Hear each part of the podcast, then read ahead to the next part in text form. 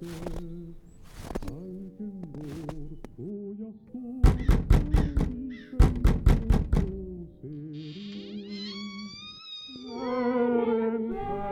in, kom in till Storysyndromets julkalender.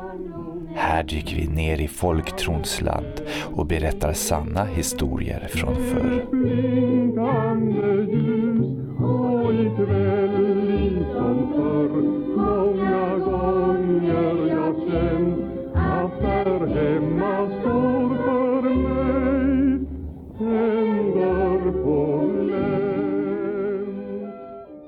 Jag vet att folk ser annorlunda på en på ett negativt sätt om man berättar något som liknar det jag kommer att berätta för er nu.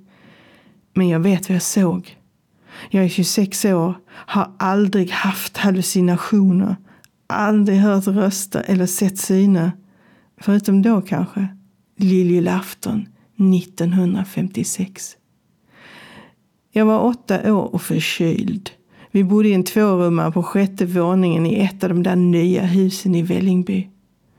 När pappa kom hem från jobbet gick han alltid raka vägen till köket, tände en cigarett och pratade med mamma om sin dag på jobbet.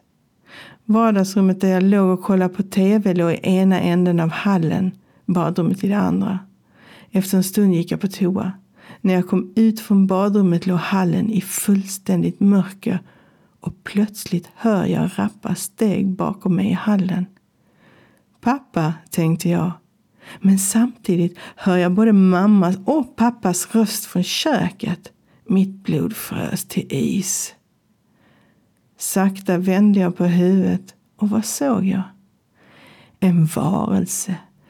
En meter kanske, ful, hårig i ansiktet, vitt hår. Han hade enorm näsa och de delar av ansiktet som inte hade hår var extremt fåriga. Kläderna gick i grått och på huvudet hade han en toppig röd mössa. Och han hånflinade.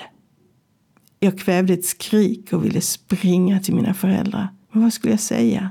De skulle aldrig tro på mig. Istället sprang jag in i vardagsrummet och smällde igen dörren bakom mig.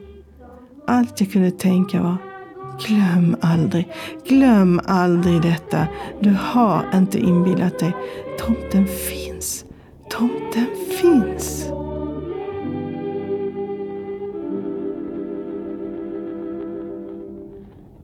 Du har lyssnat på Storysyndromets julkalender lucka 23 av och med författarna Kristina Hård och Henrik Pettersson.